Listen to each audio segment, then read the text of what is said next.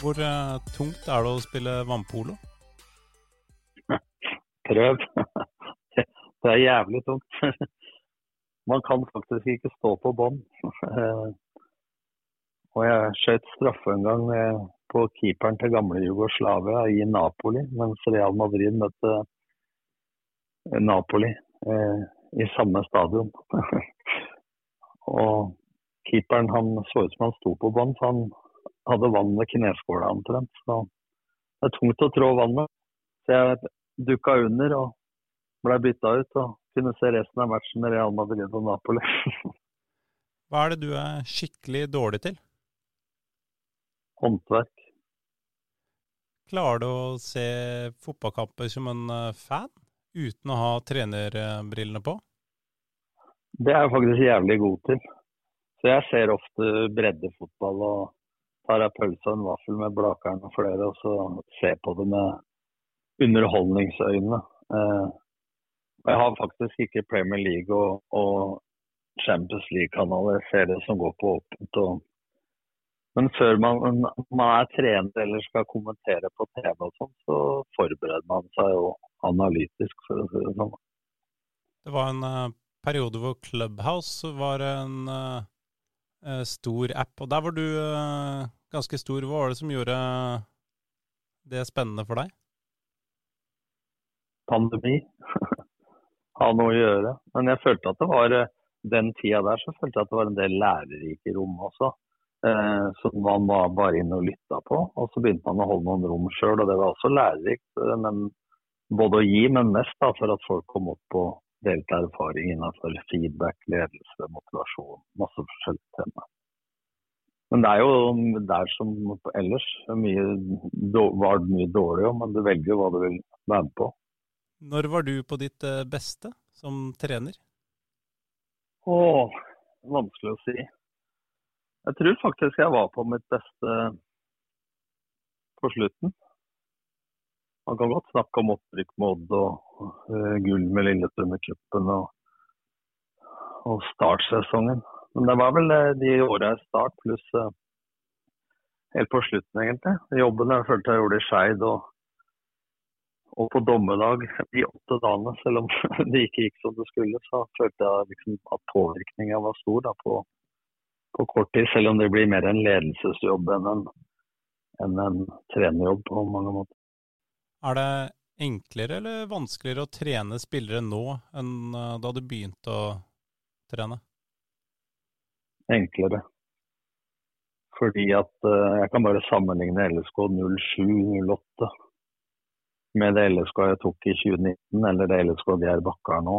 Eller Geir Bakka og jeg jobba jo sammen i Vålerenga. Eh, før så var vi tre-fire mann rundt et A-lag og satt med VHS-kassett og gjorde analyser sjøl. Nå er det 14-15-16 mann rundt et lag. Og du kan være tydeligere, enda tydeligere i færre rom. da.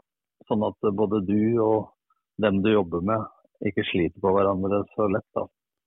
Jeg regner med at mange, når de kommer bort til deg, vil snakke fotball. Men hvilke andre temaer eh, kan folk eh, prate med deg om? Alt mulig, egentlig. Jeg jobber jo med mental trening, og jeg jobber jo til daglig i Avanova helse med å få sykmeldte folk tilbake i jobb. Så jeg jobber med alt fra folk som eh, skal gå fra good to great og motiveres, til folk med angst og depresjon og som har det litt vanskelig. Eller om det er fysiske ting, for å si det sånn. For jeg har bakgrunn fra idrett for funksjonshemmede, eller tilpassa opplæring, som det heter. Så jeg er litt opptatt av mennesker, og kanskje mennesker som ikke har det så lett. Og så hjelpe de, de på vei. Hva var det beste med å være lærer? Før så var det én til én.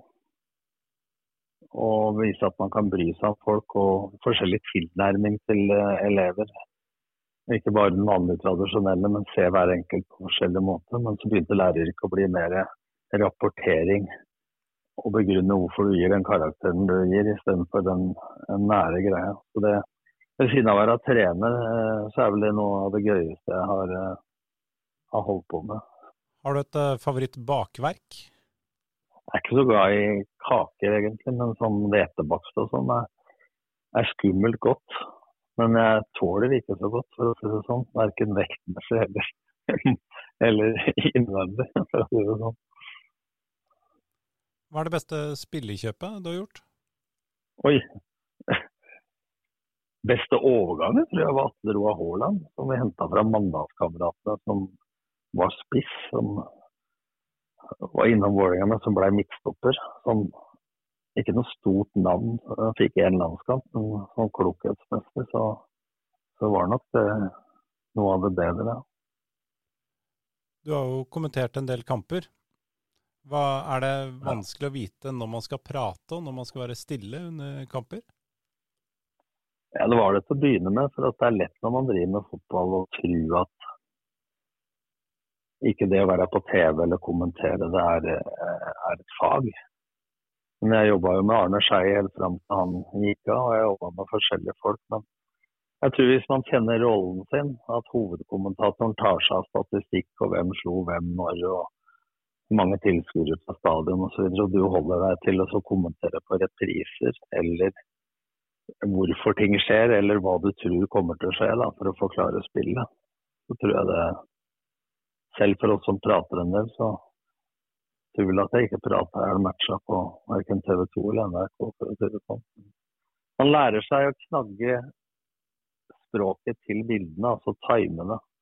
Så det er vel viktig at noen store øyeblikk lever av seg sjøl også. I hvert fall så lenge det er TV. Radio er jo noe helt annet. Da skal man snakke i bilder i større grad. Har du noe TV-tips til de som eh, ikke vet helt hva de skal se på TV om dagen? Nei, jeg er nesten eneste i som ser litt på lineær TV. Jeg liker sånne korte sitcom-ting som, som kan være avsluttende i hver episode. Two and a Half Men og Kongen av Queens og sånn lett underholdning. Så liker jeg dokumentarer og sånn. Jeg hører egentlig mest på podkast. Altså alt fra Krimpod og Avhørt eh, til idrettspodkaster og Våre vinnere osv. Så, videre. så det blir mindre TV enn før, da. Hva er det dummeste du har brukt penger på? Det må være den første, andre bilen jeg kjøpte, tror jeg som ikke har greie på sånt, som syns han så veldig kul ut, som nesten datt sammen.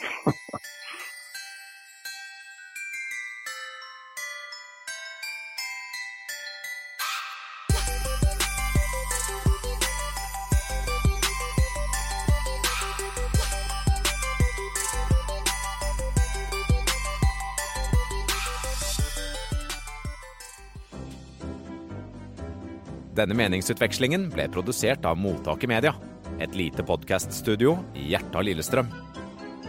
Sjekk mottaket.studio på verdensveven, eller søk oss opp på Alta Vista.